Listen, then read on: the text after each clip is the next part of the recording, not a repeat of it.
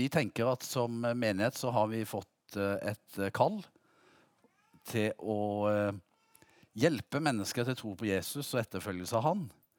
Og så tror vi at vi i den forbindelse har fått et, et spesielt kall til å hjelpe barn og unge til tro på Jesus og etterfølgelse av han. Vi har fått betrodd veldig mange barn og tweens og etter hvert ungdommer i menigheten vår. Og at det derfor ligger et, et ansvar på oss i forhold til det å, å gi trua på Jesus videre til den neste generasjonen på en god måte. Så litt det setter vi fokus på i den uh, taleserien her. Og uh, i den uh, forrige talen som jeg holdt, så hadde den tittelen noe sånt som 'I fars hus'. Og vi hørte om Jesus som tolvåring som var i tempelet, og som sa til sine foreldre visste dere ikke at jeg må være i min fars hus. Um, og så tenker vi kanskje det at det, ja, det var noe Jesus trengte, men det er vel noe vi trenger alle sammen. Å få være i vår himmelske fars hus, og ikke minst barna og de unge som vokser opp. At de får, uh, får være der, og at de blir invitert med dit. Um, I dag så skal jeg altså tale uh, ut ifra denne kjente teksten om barna. For den uh, leser vi iallfall ofte her i kirka, både når det er eh, barnedåp eller barnevelsignelse. Du vet, Vi har to sånne ulike former å gjøre det på i menigheten vår. Men eh, da leser vi ofte det her eh, eh bibelverset om eh, når de bar små barn til Jesus. Så vi har allerede hørt teksten lest. Og i den forbindelse så er det tre ting som jeg har lyst til å trekke fram ut ifra den teksten som eh, vi kan eh, lære både om Jesus og av Jesus. Det er litt viktig å bare poengtere det også, sånn innledningsvis at ofte når vi hører forkynnelse og leser i Bibelen, og sånne ting, så er det ting vi kan lære om Jesus, og så er det ting vi kan lære av han. Eh, og da har jeg lyst til å si at det er alltid veldig viktig å begynne med det vi kan lære om han. Og hva han har gjort, og hvem han er, og alt sånt. Før vi skal lære alt det som vi skal lære av ham, om hva vi kan gjøre og uh, osv. Men, men vi finner altså begge deler. Men ut fra den teksten her så tenker jeg det er noe vi kan lære om Jesus, og, så er det noe vi, og derfor noe vi kan lære av ham. Ok? Og så har jeg, For å gjøre det litt enklere å huske, så har jeg laga tre uh, hovedpunkter som alle begynner med bokstaven O. Uh, og det, det første punktet det handler om om, omfavnelse. Eller vi hører om Jesus som eh, tok eh, de små barna inn til seg. Og eh, på sett og vis omfavna dem. Eller han berørte dem. Eh, det andre punktet det handler om eh, oppmerksomhet. Og det tredje punktet det handler om oppmuntring. Så har du fått de tre hovedpunkter, og nå kan du eh, hvis du husker det, så er jo det egentlig kanskje nok til. Så du får se da om du gidder å følge med eller ikke. Men altså omfavnelse og oppmerksomhet og oppmuntring. Um, vi kan stille dette spørsmålet Hvorfor brakte de barna til Jesus? Hvorfor ville de det, liksom? Um, da kan jeg lure på Var noen av de ungene de barna var de sjuke? Vi ser ut ifra de ulike tekstene i eh, Matteus, Markus og Lukas, for det, denne historien er gjengitt flere plasser, så er det beskrevet på litt forskjellige måter. Det er små barn, og, men hos Lukas er det faktisk spedbarn eller babyer som blir båret fram. Men en kan lure på var, var de sjuke? For veldig ofte ellers når, eh, når Jesus la hendene på noen da, i evangeliene, så var det mennesker som var uh, syke og, og plaga et eller annet. Men det kan jo bare være at han uh, rett og slett uh, var veldig populær, eller at jeg anså ham for å være en veldig viktig person. Og at det å liksom komme i berøring med han var, var noe stort noe, noe veldig bra. Altså litt sånn, Hadde jeg sett der, en sånn videosnutt med Messi som er på vei inn til en svær stadion, en fotballkamp eller noe sånt, og så kommer der en sånn liten guttunge som har han er på akkurat rett sted til rett, eh, rett tid, da, ikke vel? Og så løper han bort for å få eh, både autograf og liksom for, for hils på Messi. Og så har du da alle de her livvaktene som bare dytter denne her guttungen unna. og sånt. Men Messi stopper opp, liksom. Og så gir han beskjed. Hent gutten, liksom. Og så springer det livvaktene bort og henter denne gutten bort og, til Messi. Og det blir, jo, det blir jo denne guttens livsøyeblikk, altså. Eh, og det, var, det, det ligna kanskje litt dette her. Du har liksom det her overivrige disiplene, livvaktene til, eller selvoppnevnte livvaktene til Jesus, som liksom dytter eh, folk unna og sånt. Han er for viktig, liksom ikke, må ikke oppta han her. Men så stopper Jesus opp, og så, og så irettesetter han disiplene sier han, og så sier han men nei. Altså, la de små barna komme til meg. Hindre det ikke. Nå var det kanskje ikke sånn i den teksten her at det egentlig var var ungene der disiplene først og fremst hindra. Det kan være det egentlig var mødrene. Det var en interessant ting. At det var de som forsøkte å bære ungene til Jesus. Eh, og som da ble hindra av det herre mannfolka. Eh, tenk litt på det, gutter. Eh, men uansett, altså, hvorfor brakte de eh, barna til Jesus? Ja, det var, det var vel for å få for å få del i liksom hans uh, velsignelse og noe av det som denne her, uh, personen Jesus bar med seg. Um, og det å bli berørt av han uh, viste seg ofte å ha, eller, å ha, veldig stor betydning. Akkurat som det fikk for denne gutten som møtte Messi. Det, det, det, fikk sikkert veldig stor betydning for han. Så, så fikk det stor betydning for mennesker å bli berørt av Jesus. Og jeg har tenkt litt på det her, eh, der, Dane, at måten vi òg møter andre mennesker på, rent fysisk, det, det kan virke så forskjellig. Altså, det kan jo enten bygge opp det, eller det kan rive ned. Altså, Ei berøring kan jo kommunisere veldig mange forskjellige ting.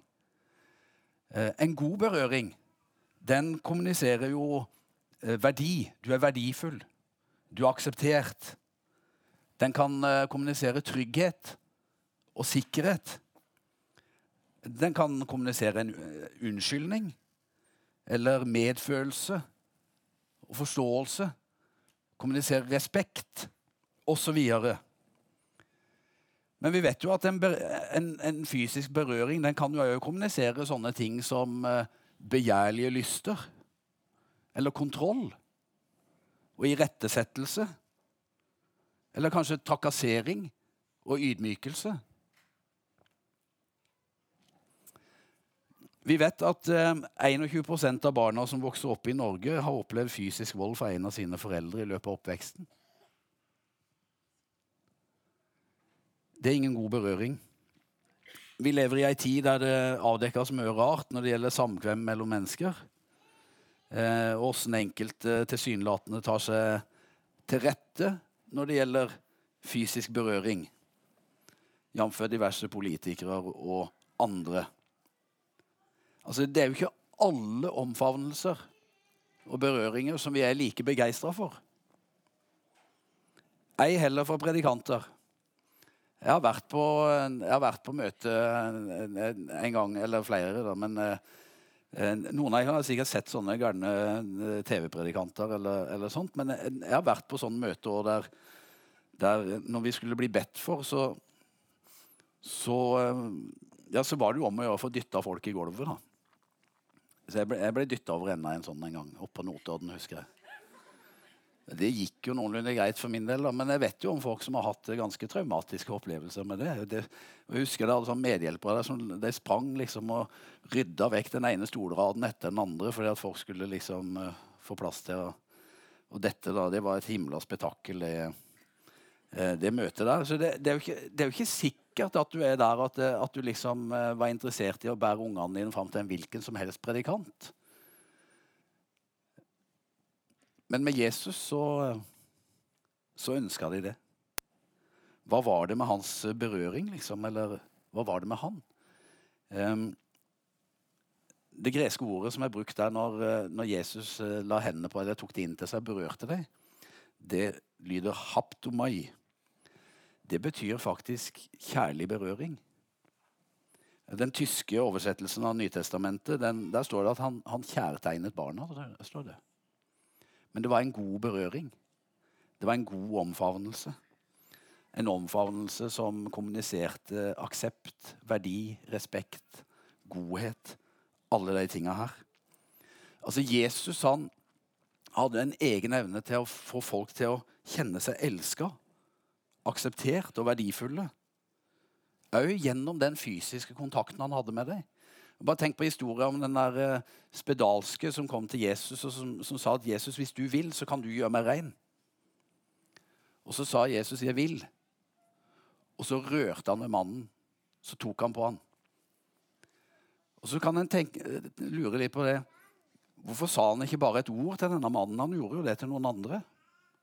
Så kunne du bare sagt et ord, og så var mannen eh, blitt helbreda. Eller hvorfor sa han ikke til han at eh, 'gå og vask deg i Siloadammen', liksom, og så skal du bli rein? For det hadde han òg gjort til noen andre. Men han tok på han. Altså Han tok på han som ingen andre ville være i berøring med. Han tok på han som ellers måtte gå rundt og rope 'uren, uren', fordi han var bærer av en smittsom sykdom og måtte advare de andre om ikke å komme i nærheten av ham. Men Jesus gjennom sin fysiske kontakt med mennesker formidla en sånn enorm kjærlighet og aksept og verdi til dem. Og det er det han nå gjør i forhold til, til de barna her. Da. Altså, var jo, barn var jo ikke vel ansett. De var egentlig ikke verdt noe. De var ofte egentlig bare, bare til bry.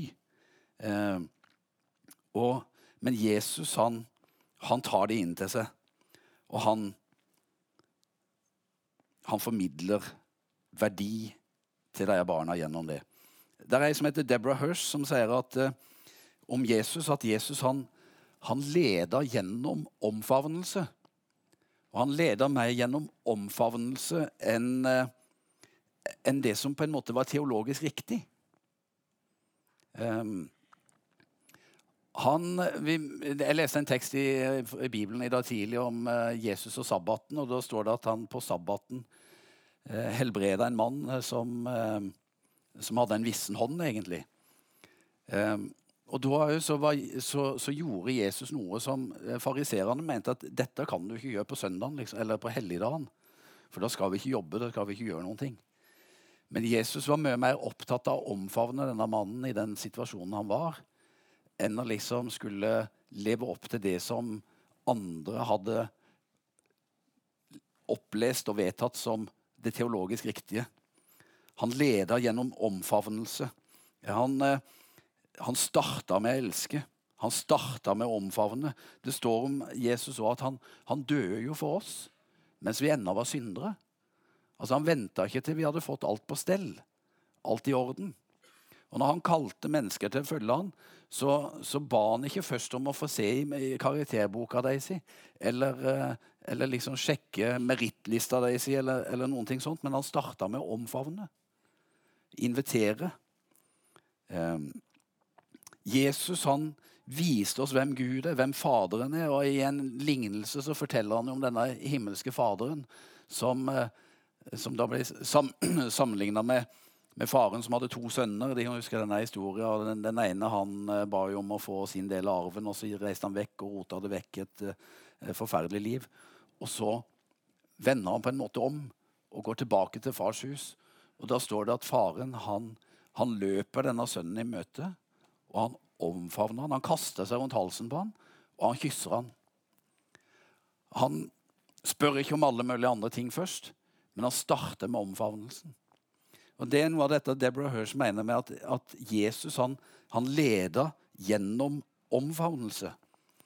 Um, han var opptatt av relasjon og nær relasjon til mennesket.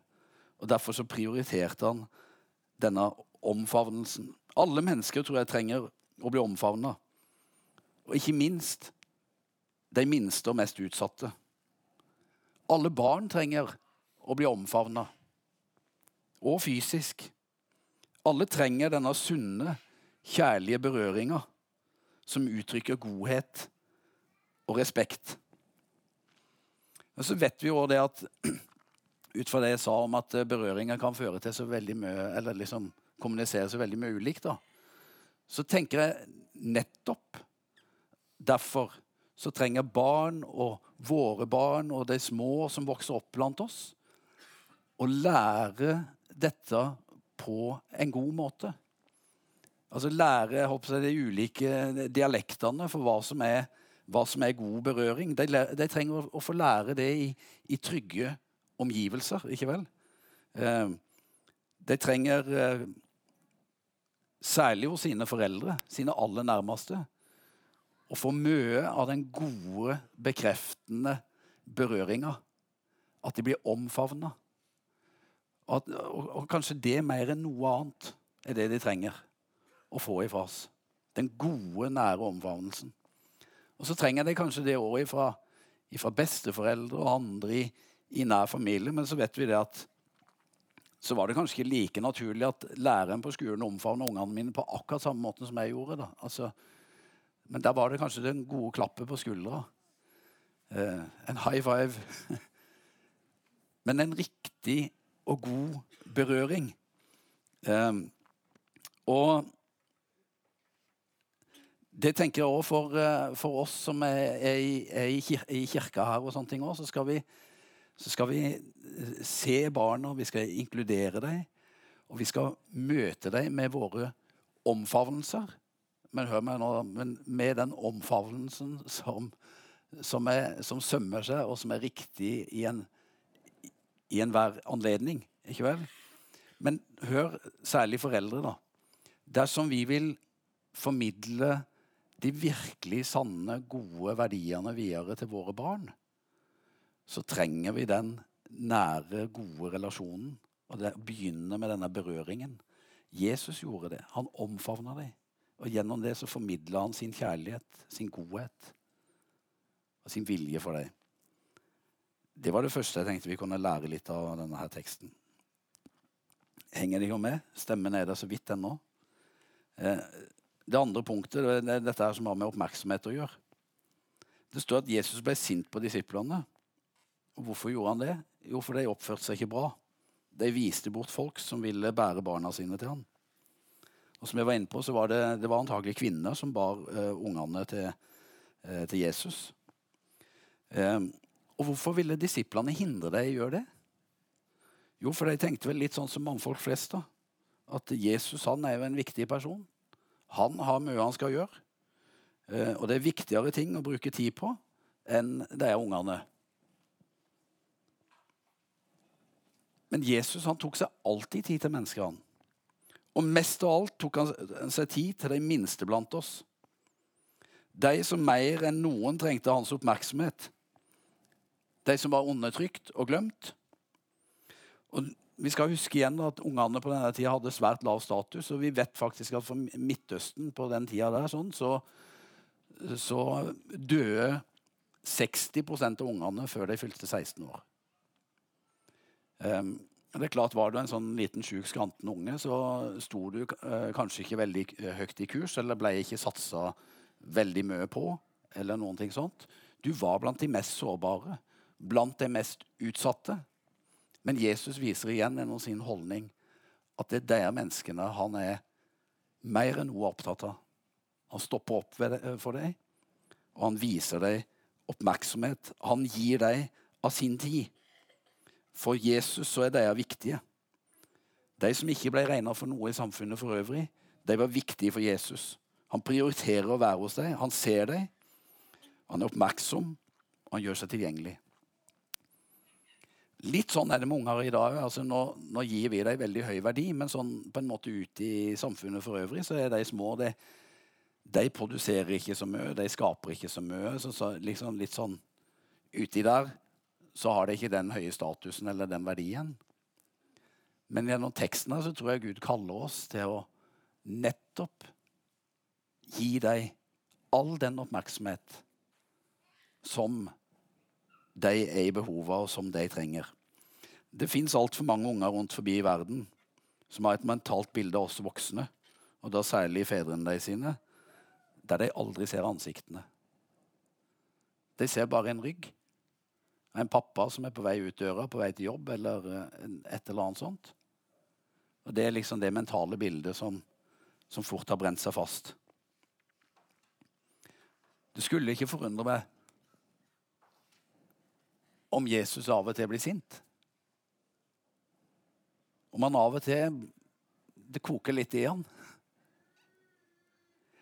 Undersøkelser som er gjort blant norske og europeiske ledere, viser at av de 70% av tida som vi, våken, som vi har i våken tilstand, da, så bruker lederne 62% av tida til arbeid og 8% på hjem og fritid.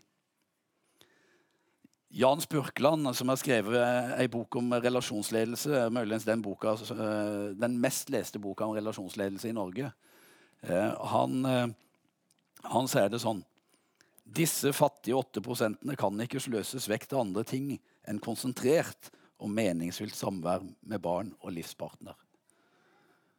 Og så skal jeg være blant de første til å innrømme at ja, det er det utfordrer seg på. Dette kan være vanskelig å få til.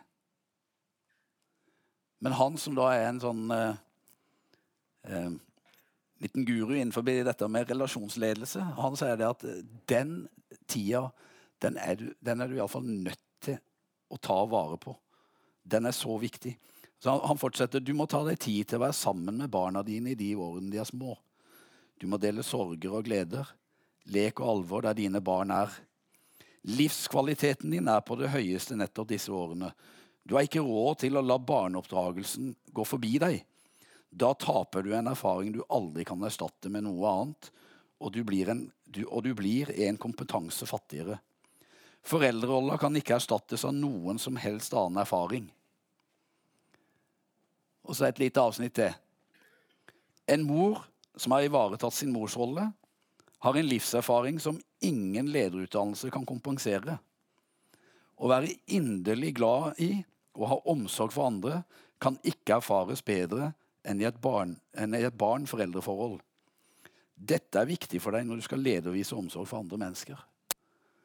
Så han mener jo faktisk at Hvis du skal lykkes godt innen relasjonsledelse ute i arbeidslivet, så gjør jobben skikkelig på hjemmebane. Pass på å vie deres små oppmerksomhet. Vær til stede. Jeg tenker også dette her, at Hvis vi har et ønske om å gi evangeliet videre til andre mennesker, og ikke minst gi dette videre til våre barn og unge, så trenger vi å bli gode på relasjonsledelse. Vi må gi dem tid og oppmerksomhet. Og det er Noen som har sagt det at ungene de staver kjærlighet til i det. Å elske dem er å være sammen med dem. Å elske dem er å gjøre seg tilgjengelig for dem. Å elske deg er å gi deg oppmerksomhet.